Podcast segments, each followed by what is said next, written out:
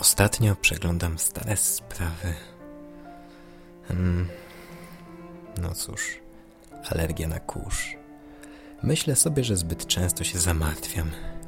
Dzięki temu, co prawda, jedni nazywają mnie poetą, inni panem reżyserem, ci trzeci widzą we mnie programistę. To wszystko jest prawdą. Prawdą, która wynika z jednego.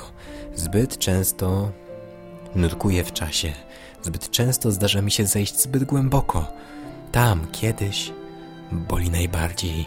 Świetnie zdaję sobie sprawę, że wielu ludzi może powiedzieć to samo. Inni też nie potrafią zmyć pieczątki czasu, ale to przecież nie powód, by się jej poddać. To nie ona ma rysować mapę naszych dni, pomyślałem. W Biblii przeczytałem, że powinniśmy spalić wszystkie mapy i wsłuchać się w świętą nawigację Boga. Problem w tym, że często jest... że często jej po prostu nie słychać. Zupełnie jakby była wyłączona.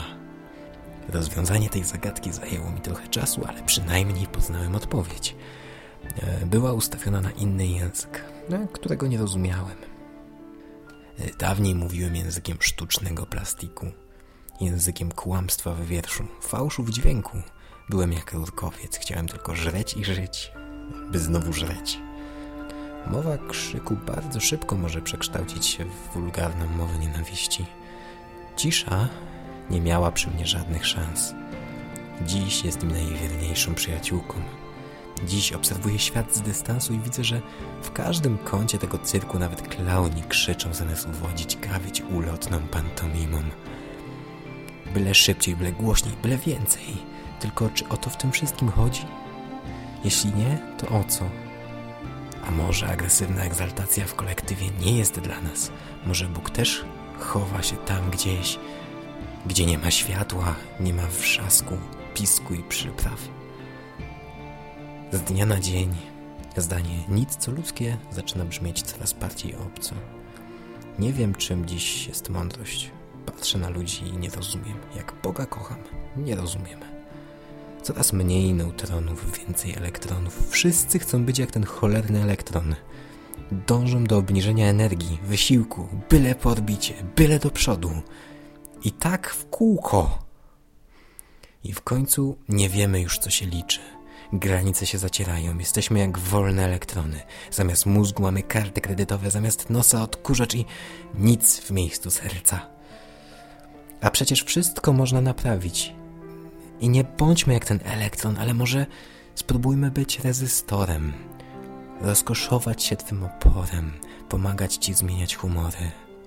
Skoki napięcia w ciepło po nas biegnące i jedność niosące, być kondensatorem, łączącym się z Tobą, takim, który nic więcej nie potrzebuje, bo czuje Twe natężenie i napięcie. Spróbować być biegunami różnoimiennymi, zawsze się mocno przyciągającymi, rozkoszować się magnetycznym polem, nie dać się zakłócić pokusom zła. Niechaj sam Bóg o nas dba. Być cewką Tesli, pomimo odległości i braku łączności, zapalać lampę mocą swą, wywołać zachwyt tą niezwykłą chwilą, sprawić, by każdy jak w księżyc wpatrzony oglądał niczym, być generatorem kręcącym się bez końca i lepiej i mocniej świecić uczuciem, rozpalać dni strachu i nocy, by nikt nie musiał szukać pomocy, być wiecznym obwodem, nie psuć się wcale, działać bardzo trwale i w koło i w koło pulsować do siebie, Boże, chyba zginąłbym bez Ciebie.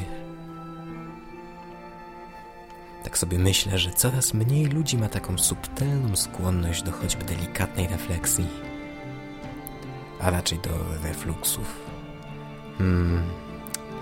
Chciałem powiedzieć, że Bóg doskonale wiedział, że świat zacznie stawać na głowie i konsekwentnie na to pozwolił, dając wolną wolę i wiedział, i schował się za kurtyną tego cyrku. Moje śledztwo nadal trwa, ale to, co ustaliłem do tej pory, pozwoliło mi namierzyć lokalizację tej kurtyny, tego zaplecza, cichego zaplecza. Idź, idź na słuch, im ciszej, tym bliżej. Jego GPS cię naprowadzi, tylko trzeba go włączyć. To urządzenie wyposażony jest w czujniki cierpliwości, roztropności, myśli jako takiej, bo coraz mniej ich ostatnio emitujemy. Któraś z tych cech na pewno pomoże Ci włączyć nawigację. Waldek Graban, Labirynt. Do usłyszenia w kolejnej audycji. Spotkajmy się tu za tydzień. Pamiętając, że błogosławieni cisi, albowiem oni na własność posiądą ziemię.